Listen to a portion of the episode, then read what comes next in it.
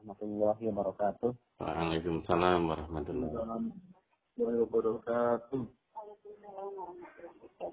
Baik, ikhwatilah sekalian yang dirahmati Allah, kita awali ngaji kita pagi hari ini.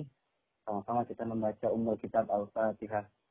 A'udzubillahiminasyaitonirrajim. Bismillahirrahmanirrahim. Alhamdulillahirrabbilalamin. Ar-Rahmanirrahim. Malik yawmiddin. Iyaka na'budu wa iyaka nasta'in. Ihdinas siratal mustaqim. صراط الذين أنعمت عليهم غير المغضوب عليهم ولا الضالين. آمين. الحمد لله. الحمد لله الذي أنزل السكينة في قلوب المؤمنين ليزدادوا إيمانا مع إيمانهم. أشهد أن لا إله إلا الله وأشهد أن محمدا عبده ورسوله لا نبي بعده. اللهم صل على سيدنا محمد وعلى آل سيدنا محمد كما صليت على سيدنا إبراهيم وعلى آل سيدنا إبراهيم. وبارك على سيدنا محمد وعلى آل سيدنا محمد كما باركت على سيدنا إبراهيم وعلى آل سيدنا إبراهيم في العالمين إنك حميد مجيد Alhamdulillah henti-hentinya puji serta syukur kita senantiasa panjatkan kehadirat Allah Subhanahu wa taala atas segala nikmat yang Allah berikan kepada kita, nikmat iman, nikmat Islam, nikmat kesehatan dan kesempatan. Juga pagi hari ini ya uh, masih dalam suasana lebaran saya mengucapkan taqabbalallahu minna wa minkum. Semoga Allah mengabulkan segala amal ibadah kita di bulan Ramadan dan mohon maaf lahir dan batin. Baik, Iwatilah sekalian yang terhormati Allah, pagi hari ini kita akan melanjutkan mengkaji kisah ya, kisah tentang uh, Sirah Nabawiyah. Dan di awal kita mungkin uh, mengingatkan kembali ya bahwa bahwa ada waktu-waktu yang paling baik di sisi Allah ya. Dan waktu adalah sesuatu yang sangat penting dan dalam agama ini ya ada dua hal yang penting yang uh, terkait dengan waktu yang pertama adalah bagaimana Allah memerintahkan kita untuk memerintah memanfaatkan waktu sebaik mungkin ya. Dan alhamdulillah Ramadan telah berlalu dan salah satu pelajaran dari uh, dari akademi Ramadan ya bagaimana kita memanfaatkan waktu sebaik mungkin ya. Karena kalau kita lihat bagaimana uh, setiap orang berlomba-lomba untuk melakukan kebaikan di bulan Ramadan tentu uh, buah dari kebaikan ketakwaan adalah sebagai uh, tujuan dari uh, dari kita melakukan amal ibadah di bulan Ramadan dan tentu ketakwaan itu akan terus ber, beralih uh, apa uh, berlanjut pada kebaikan-kebaikan yang lain sehingga termasuk juga dalam di dalamnya adalah memanfaatkan waktu yang sebaik mungkin. Yang kedua, kita tahu bahwa ada waktu-waktu yang khusus dibandingkan waktu-waktu yang biasa. Ya. Yang pertama Allah bahkan menyebutkan bahwa modal seseorang untuk meraih keuntungan dalam hidup itu adalah uh, dengan waktu, adalah waktu ya, bukan bukan sekedar materi tapi waktu yang menjadi modal ya. Tapi Allah berfirman, Innal insana lafi khusrin. Manusia dalam kerugian kecuali orang yang uh, memperhatikan waktunya ya. Dan ada yang secara umum ya, atau ada juga ada lagi waktu-waktu yang secara khusus ya. Dan itu hanya hamba-hamba pilihan yang mengerjakannya ya. Ada waktu-waktu yang khusus yang disyariatkan ya, melakukan pekerjaan-pekerjaan yang khusus.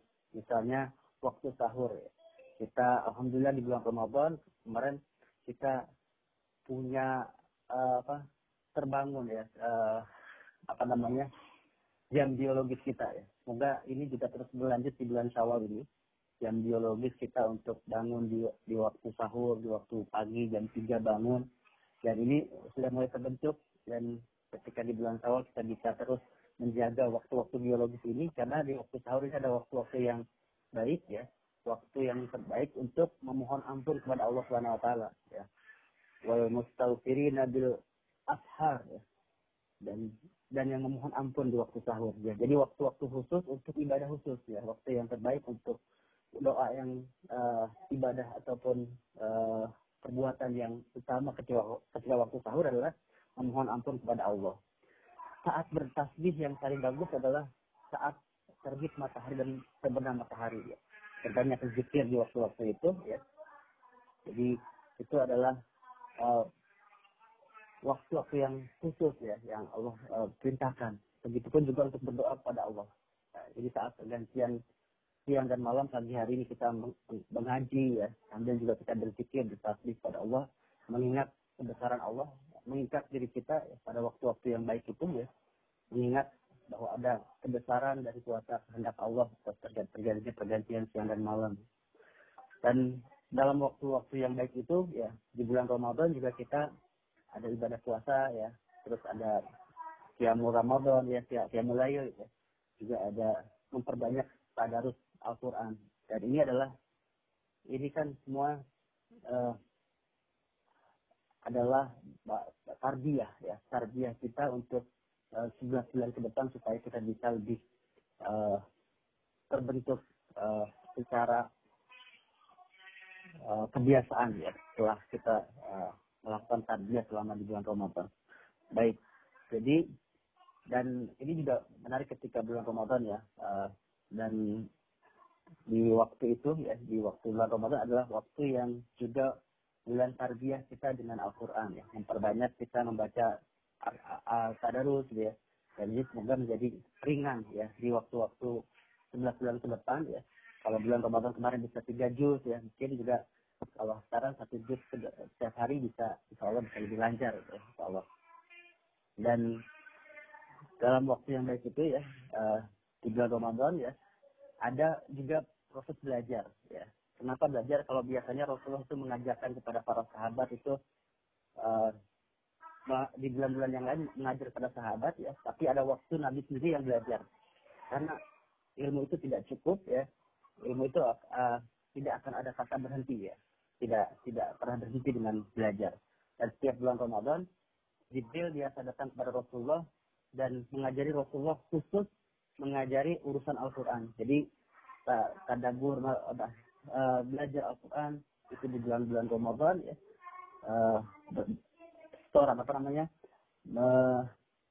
mengoreksi bacaan gitu ya ataupun juga uh, tadarus ya tadarus Rasulullah kepada mereka sendiri jadi Nabi tadarus Al-Quran. Ini kan pelajaran bagi kita bagaimana Nabi menjadi murid uh, bagi Jibril ya.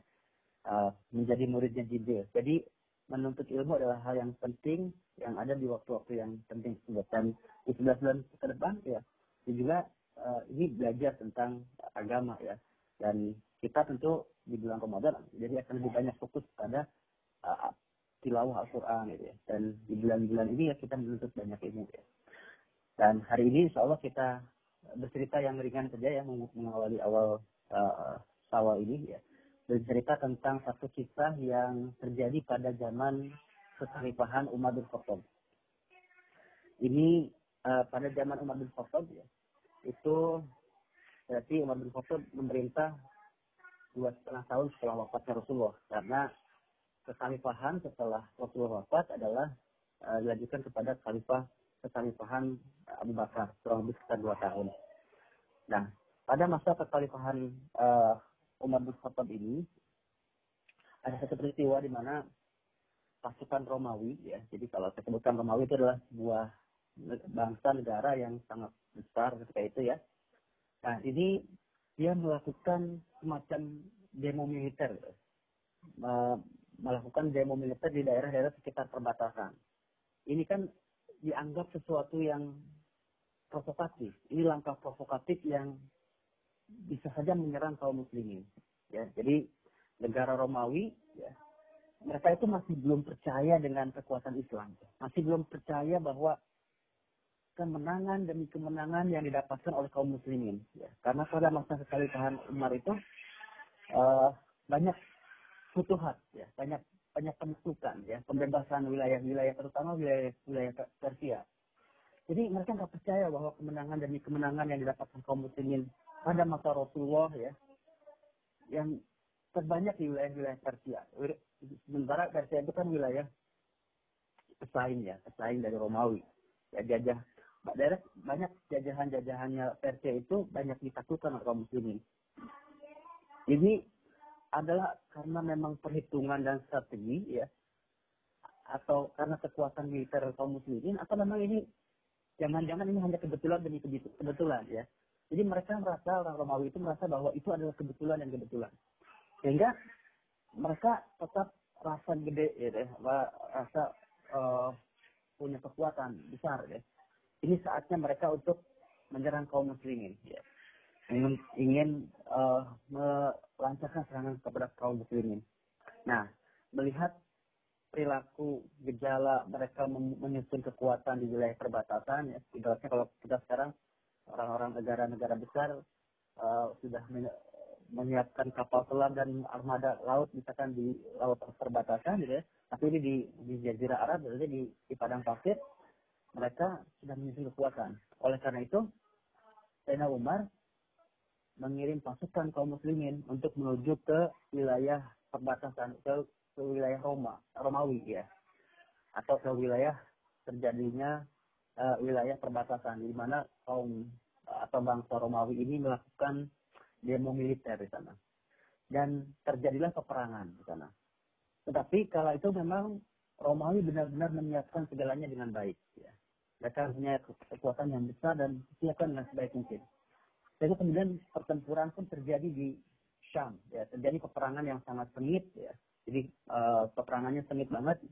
Kaum muslimin melakukan perlawanan terbaik sebenarnya, ya melakukan per, uh, perlawanan terbaik. Tetapi memang kekuatan Romawi ini jauh di atas pada waktu itu, sehingga kaum muslimin mengalami kekalahan dan ada banyak yang ditawan. Kaum muslimin yang menjadi tentara yang dikirim oleh Sayyidina Umar itu banyak yang ditawan. Nah, di antara yang ditawan itu ada seorang sahabat ya, ini sahabat junior ya karena waktu bertemu Nabi ya ini masih sangat muda ya bernama Abdullah bin Huzafah. Nah pagi hari ini ya kisah kita akan berkisah tentang sahabat Abdullah bin Huzafah. Bagaimana keteguhannya Abdullah bin Huzafah dalam memegang tauhid, memegang la ilaha illallah yang ada dalam hatinya. Jadi ketika ditawan ini kaum muslimin, Raja Romawi ini ingin tahu nih, apa sih sebenarnya yang menjadi motivasi kaum muslimin, kenapa mereka itu bisa begitu gigihnya, begitu kuatnya. Ya.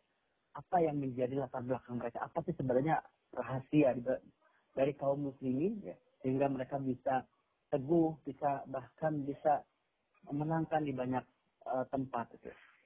Sehingga ini penasaran sekali Raja Romawi ini. Heraklius ini penasaran sekali ya.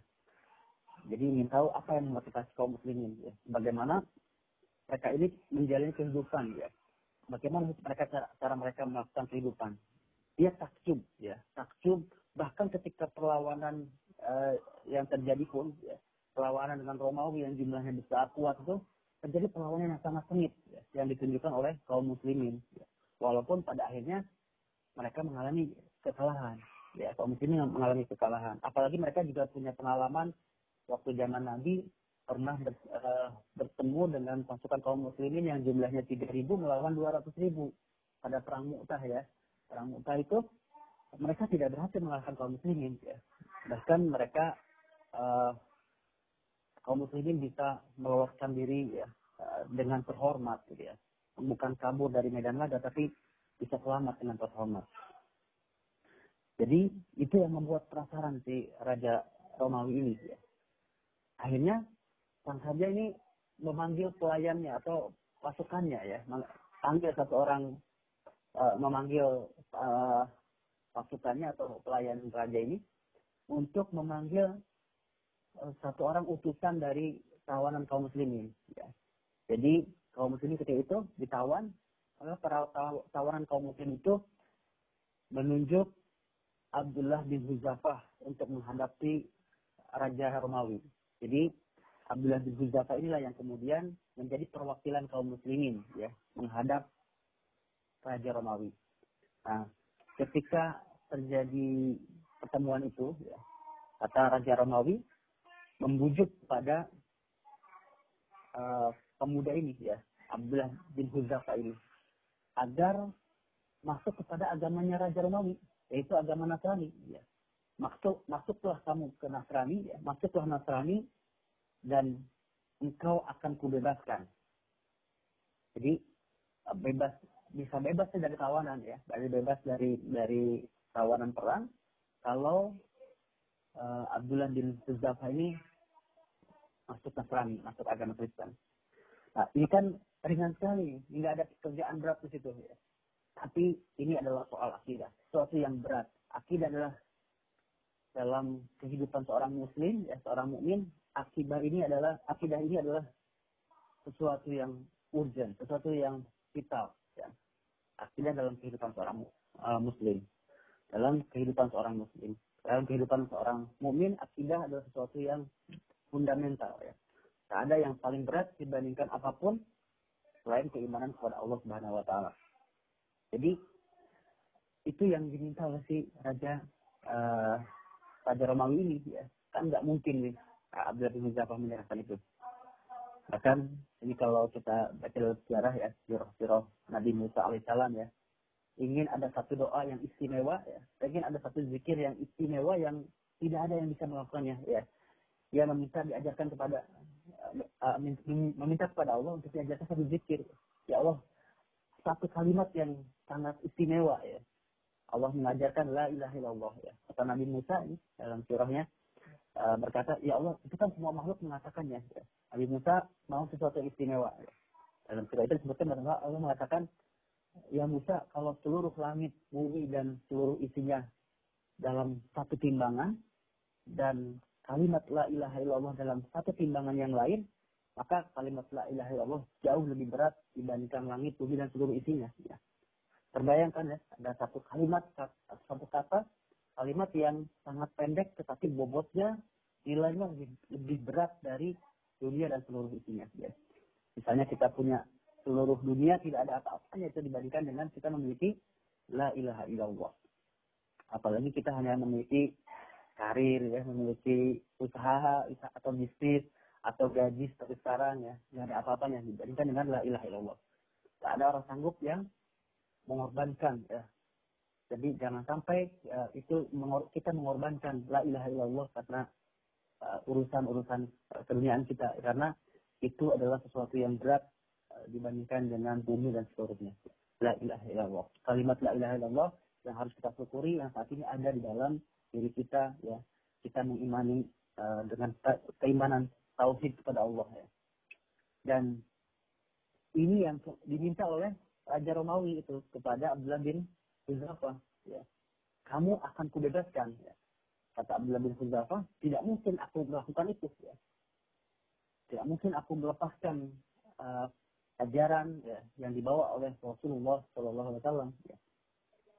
Kemudian sang raja ini berkata lagi, ya, masuklah Nasrani dan aku akan berikan separuh dari kerajaanku. Ya bukan hanya dibebaskan tapi juga diberikan kekayaan ya eh, ke, eh, kekuasaan ya. aku akan berikan separuh dari kerajaanku ini membayangkan Romawi itu bukan negara kecil seperti saat ini di Italia ya, ya bukan ya karena Romawi itu menguasai separuh dunia bayangkan kan dua hegemoni besar itu ada di Romawi dan Persia ya.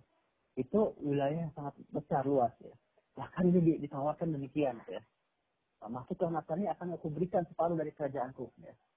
ya jadi yang pertama dia menawarkan kebebasan, ya. Tapi sekali lagi ya, seorang yang kalah perang itu walaupun bebas tapi mentalnya jatuh kan, mentalnya akan jatuh, harga dirinya jatuh.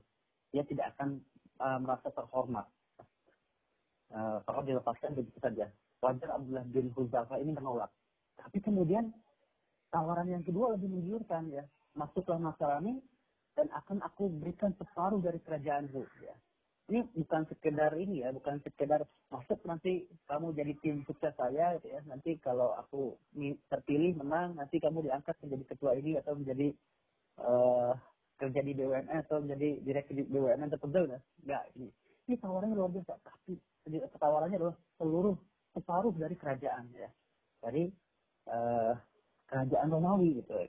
Itu yang ditawarkan oleh uh, Heraklius satu raja Romawi ini ya. Nah, seluruh kerajaan ya, aku akan membantumu mengurusi ini ya. Jadi semakin besar tawarannya. Maka Abdullah bin Huzafah pun ya berkata enggak ya. Demi Allah, kalau kau berikan seluruh kerajaan dari seluruh jazirah Arab sekalipun ya, engkau berikan kepadaku ya, aku tidak akan mau melepaskan apa yang aku punya, yaitu la ilaha illallah. Allah. Jadi kata sang raja, kalau begitu kamu akan kubunuh. Ya, ini kan sudah tawaran ya, sudah ditawarin bebas, nggak mau gitu ya. tawarin kekayaan yang luar biasa dia. Ini juga nggak mau. Ya udah, kalau gitu ancamannya adalah kamu akan kubunuh. Jadi Abdullah bin Zafar ini akan dibunuh oleh uh, orang-orang Romawi. Dia. Maka Abdullah bin Huzafa ini diikat di satu tiang, disiapkan oleh mereka pemanah yang jitu, mau di mau di panah itu ya. Dan semua orang menyaksikan dan ketika musuh panah mau sudah ditarik nih, si raja itu bilang eh, tahan dulu ya, tahan ya, ya, ya dia mendekat ya. Uh, dia sekali lagi mengatakan masuklah ke agama Nasrani dan aku akan bebaskan dari kematian. Tapi tetap Abdullah bin Huzafa bersikukuh dengan pendiriannya, ya, dia menolak uh, perintah ajakan dari Raja Romawi tersebut. Ya. Jadi membuat sang raja marah. Tapi kalau langsung dibunuh ini ceritanya selesai kan? Ya, ceritanya udah selesai, udah udah udah nggak berlanjut ya. Dia nggak mau ini masih begitu saja. Ya. Jadi ada keinginan dari raja untuk membunuhnya secara pelan-pelan. Ya. Kata raja, uh, masukkan dia ke dalam sel tahanan. Ya. Masukkan ke dalam sel tahanan, jangan diberi makan dan jangan diberi minum. Jangan diberi minum. Ya. Biar dia merasakan kematian secara pelan-pelan. Gitu. Jadi Abdullah bin Huzafa ini sangat tersiksa ya. Karena terbayangkan berhari-hari ya. Tiga hari, kalau kita mungkin nggak makan sehari masih kuat ya. Dua hari mungkin masih gitu ya. Tapi kalau nggak minum bayangin ya. Sehari aja kita sehari malam nggak minum, kering gak kalau apa uh, kelompokan kita ya. Ini sampai tiga hari nggak makan dan tidak minum, tidak ada air, tidak ada makanan. Ya. Ketika kondisinya semakin memburuk dan hampir drop, gitu ya, udah udah payah ini. Uh, Raja kemudian memerintahkan untuk mengantar makanan ke dalam uh, tahanan tersebut. Nah, makanan yang dibawa itu adalah uh, makanan dari babi, ya, makanan dari babi dan minumannya adalah komer, ya. Tentu uh, makanan babinya juga bukan seperti di lapo-lapo ya. Di ini ya. Uh, tapi mungkin di, di hidangan hidangan ini ya kerajaan ya yang uh, dengan aroma yang menggiurkan gitu ya diolah sedemikian rupa gitu ya. Uh, diantarlah ke ruangan tahanan dan Abdullah bin Huzafah ya uh, ketika ditawar apa ditawar itu ya uh, menghilangkan dalam kondisi lapar dalam kondisi kehausan gitu ya. Ditawarkan makanan. Tapi karena ini adalah makanan terbuat dari bahan babi dan pemer yang haram ya. Dia uh, dalam kisahnya dalam surahnya dalam hatinya dia berkata ya uh, ketika uh, ditawarkan tersebut ya ketika dia bercerita bahwa tentang pengalamannya ini demi Allah kalau sekiranya aku makan saja makanan itu ya jadi kalau makanan itu aku makan maka Allah lebih tahu bahwa aku dalam kondisi darurat. Ya. Ini kan darurat ya, antara hidup dan mati dalam kondisi kehausan, kelaparan ya. Tentu mungkin dibolehkan ya untuk mempertahankan hidup. Ya. Tapi prinsipnya sangat kokoh dari Abdullah bin Huzafa. Tapi aku tidak mau musuh Islam memandang remeh agama Islam ini, subhanallah ya. Jangan sampai mereka berpikir, oh dia kalau lapar ternyata dimakan juga yang haram dia dia tidak mau itu. Meskipun mungkin itu karena terpaksa ya, tapi dia tidak mau musuh Islam memandang remeh agama Islam ini. Jadi kalau enggak itu mungkin ya kalau itu dimakan maka dia mungkin akan ketawa tuh orang oh ternyata makan juga dia. Ya. Kalau enggak kita harus itulah mungkin kita harus bertarung dengan keselamatan bahkan sebenarnya itu dibolehkan mungkin dalam dalam agama ya namun demi menjaga izah kehormatan agama ini ya itu dia tolak dilakukan oleh Abdullah bin Juzafah ya. Sampai kemudian makan itu di uh, kerumuti belatung ya. Dia, dia biarkan gitu ya. Dia tetap menahan pada kondisi ke, kepayahannya. Yang kedua dapat kita pelajari adalah bahwa orang Islam itu adalah orang yang sangat selektif dalam urusan makanan ya. Bagaimana uh, ini adalah pelajaran kedua dari kita uh, Abdullah bin Huzafah ini urusan makanan itu adalah hal yang krusial dalam urusan seorang muslim. Ya. Nggak sekedar enak saja ya. Nggak sekedar halal saja juga, tapi juga halal dan toyib ya. Jadi waktu ashabul kahfi eh, dalam gua itu ya, mereka mereka kan mengutus salah seorang dari temannya untuk turun ke bawah mencari makanan ya. Apa kata mereka ya? Berkata kepada teman yang eh, di situ ya, untuk mencari makanan yang paling baik. Ya. Ini tentu adalah merupakan aturan. Ini tentu merupakan undang-undang bagi seorang mukmin. Halal dan toyib. Harus ada dua syarat itu, ya. bukan asal makan.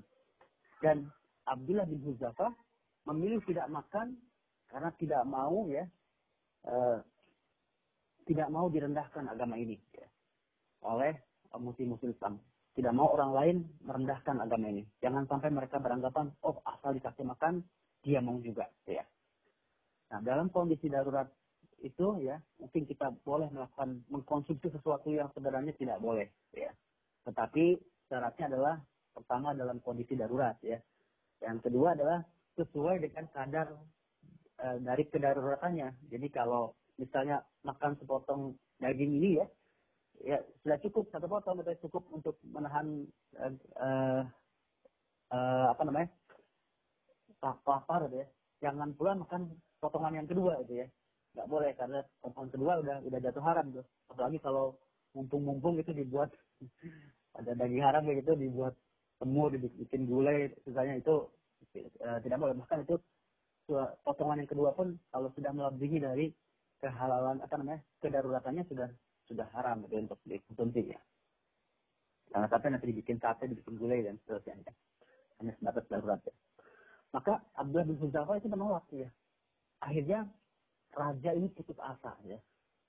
Sudah dikirim makanan uh, yang dicoba menggiurkan ya dan dia pasti makan dalam kondisi darurat itu tapi tidak mau. Akhirnya uh, ya sudahlah kirim makanan yang halal aja menurut dia ya, yang yang, yang halal dia. Dikirimkan akhirnya kondisi Abdullah bin Huzafa ini pulih kembali. Ya. Nah, pada saat itu sang raja kembali menguji uh, Abdullah bin Huzafa ya. dengan mengirimkan wanita yang paling cantik, ya, wanita paling seksi. Ya. Terbayang bahwa ini wanita Romawi ya, rambutnya pirang, gitu ya. Bahkan dulu ada orang kisahnya ini ya, perang tabuk ya. Ada orang yang beralasan, oh saya nggak mau ikut perang karena saya ini tergoda mudah tergoda dengan wanita itu alasan asal-asalan kan. Ini saya bayangkan ini wanita yang cantik gitu ya. Itu yang uh, berusaha untuk disuruh untuk menggoda Abdullah bin Huzaifah untuk dinikahkan kepada Abdullah bin Huzaifah ya. Disuruhlah wanita itu menggoda Abdullah bin Huzaifah di dalam tahanan ya. dan ketika para prajurit mencari dan membawa perempuan itu dibawa ke ruang tahanan. Tapi sekali lagi Abdullah bin Huzaifah adalah pribadi yang teguh kuat imannya. Ya, dia menjaga mata dan hatinya sehingga nggak bergeming. Ya. Meskipun ada wanita cantik gitu, ya, nggak bergerak sedikit pun, ya, nggak bergeming sampai akhirnya perempuan itu keluar, gitu kan, ya, uh, keluar dari tahanan dan berkata kepada pengawal-pengawal kerajaan, ya, kalian ini ibaratnya ngomongnya gini, kalian ini telah mengirimku kepada sesuatu yang aku nggak tahu nih. Itu manusia apa batu gitu. Ya. Bahkan dia tidak tahu bahwa dia ini sedang bertemu uh, memandang aku itu laki-laki atau perempuan guys. Jadi nggak nggak bergeming gitu ya. Akhirnya uh, sang raja suruh panggil nih uh, Abdullah bin ini. Karena sudah dicoba uh, macam-macam dia tidak tidak juga menuruti perintah raja. Ya. Uh, dibikinlah uh, satu uh, hukuman, ya. hukuman yang lebih berat berat lagi kepada Abdullah bin dia sediakan sama kerajaan itu disediakan tempat yang uh, kuali besar gitu ya, ya belanga besar uh, dimasukkan bukan hanya air tapi juga minyak yang mendidih dibakar ya. Uh, dimasak di belanga itu ya sehingga minyak itu mendidih ya. Minyaknya mendidih kemudian dipanggillah bin Jafar ya untuk diberikan peringatan ini kamu akan dikasih hukuman ini. Tapi sebelumnya dipanggil beberapa kawanan kaum muslimin dimasukkan seseorang satu satu satu persatu dimasukkan ke dalam belanga itu. Ada yang dimasukkan ya seseorang ke dalam penggorengan itu uh, dan Abdullah bin Huzaifah bercerita ya demi Allah aku mendengar suara tulang-tulang itu yang terkena minyak yang panas kulitnya melekat gitu ya tinggal tulangnya aja gitu. bahkan bajunya pun hancur luluh gitu. tinggal tulangnya saja ketika dimasukkan ke dalam uh, minyak penggorengan yang sangat panas ya, kuali yang sangat besar yang sangat panas. Jadi tulang pun hancur, dimasukkan seorang lagi, dimasukkan oleh uh, orang apa apa, apa prajurit Romawi ini ya. Sampai kemudian gilirannya gilirannya Abdullah bin Huzafah ya. Dan uh, dia dimasukkan ya. Giliran ya. Giliran Abdullah bin Huzafah ya. Uh, dikatakan sama Abdullah gitu ya kamu akan mengalami nasib yang sama kalau kamu tidak mau masuk agama Nasrani. Kata Abdullah, aku tidak akan pernah meninggalkan ajaran agama ini. Kemudian kata sengaja masukkan dia ke dalam gelana itu. Maka diseret oleh uh, pengawal, ya, mendekat mendekat ke api dan tungku itu yang sangat besar, ke yang sangat besar itu, ke belana yang sangat besar. Dan ketika sudah semakin dekat dengan penggorengan itu, ya, Abdullah lagi menangis ternyata. Abdullah meneteskan air mata dan menangis. Kata sang pengawalnya, nah ini dia udah mau kalah katanya. Langsung memberikan isyarat kepada sang raja, ya.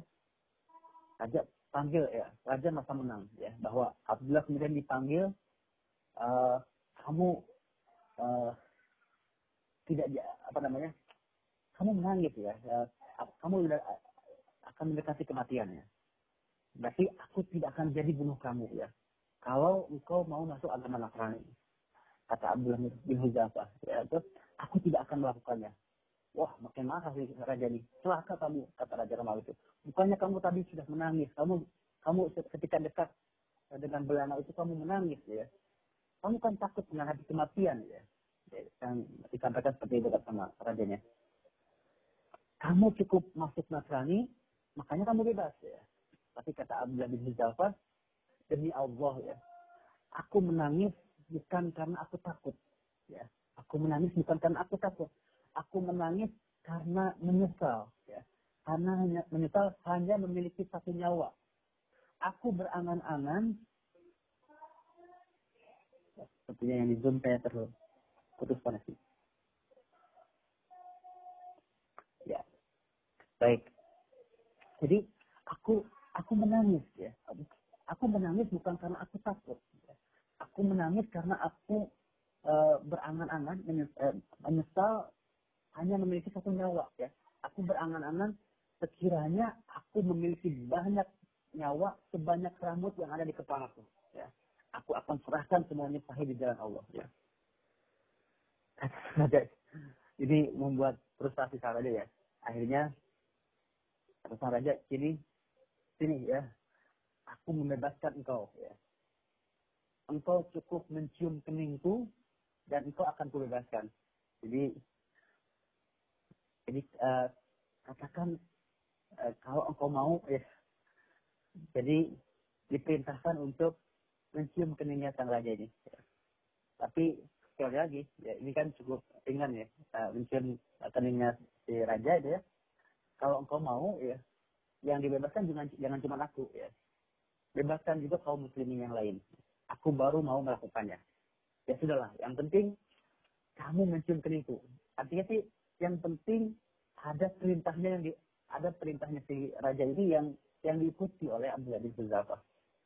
Akhirnya Abdullah bin Huzaifah mencium kening sang raja dan dibebaskanlah kaum muslimin.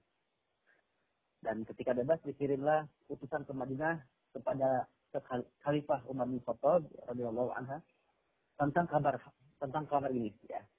Umar akhirnya menyambut ketika rombongan ini sudah datang dekat di Madinah. Umar sendiri yang menyambut ya. E, begitu datang rombongan Abdullah bin Huzafah, Umar langsung memeluk dan mencium kening Abdullah bin Huzafah ya. Kening inilah kening yang tidak akan pernah tersentuh neraka kata Umar.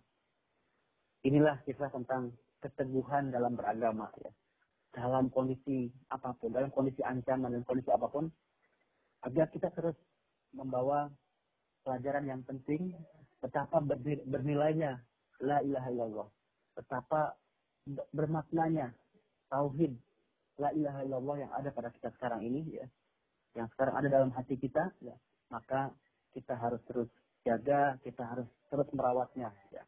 Dan kita berdoa semoga Allah terus menetapkan ya, akidah menerapkan la ilaha illallah terus ada dalam hati kita.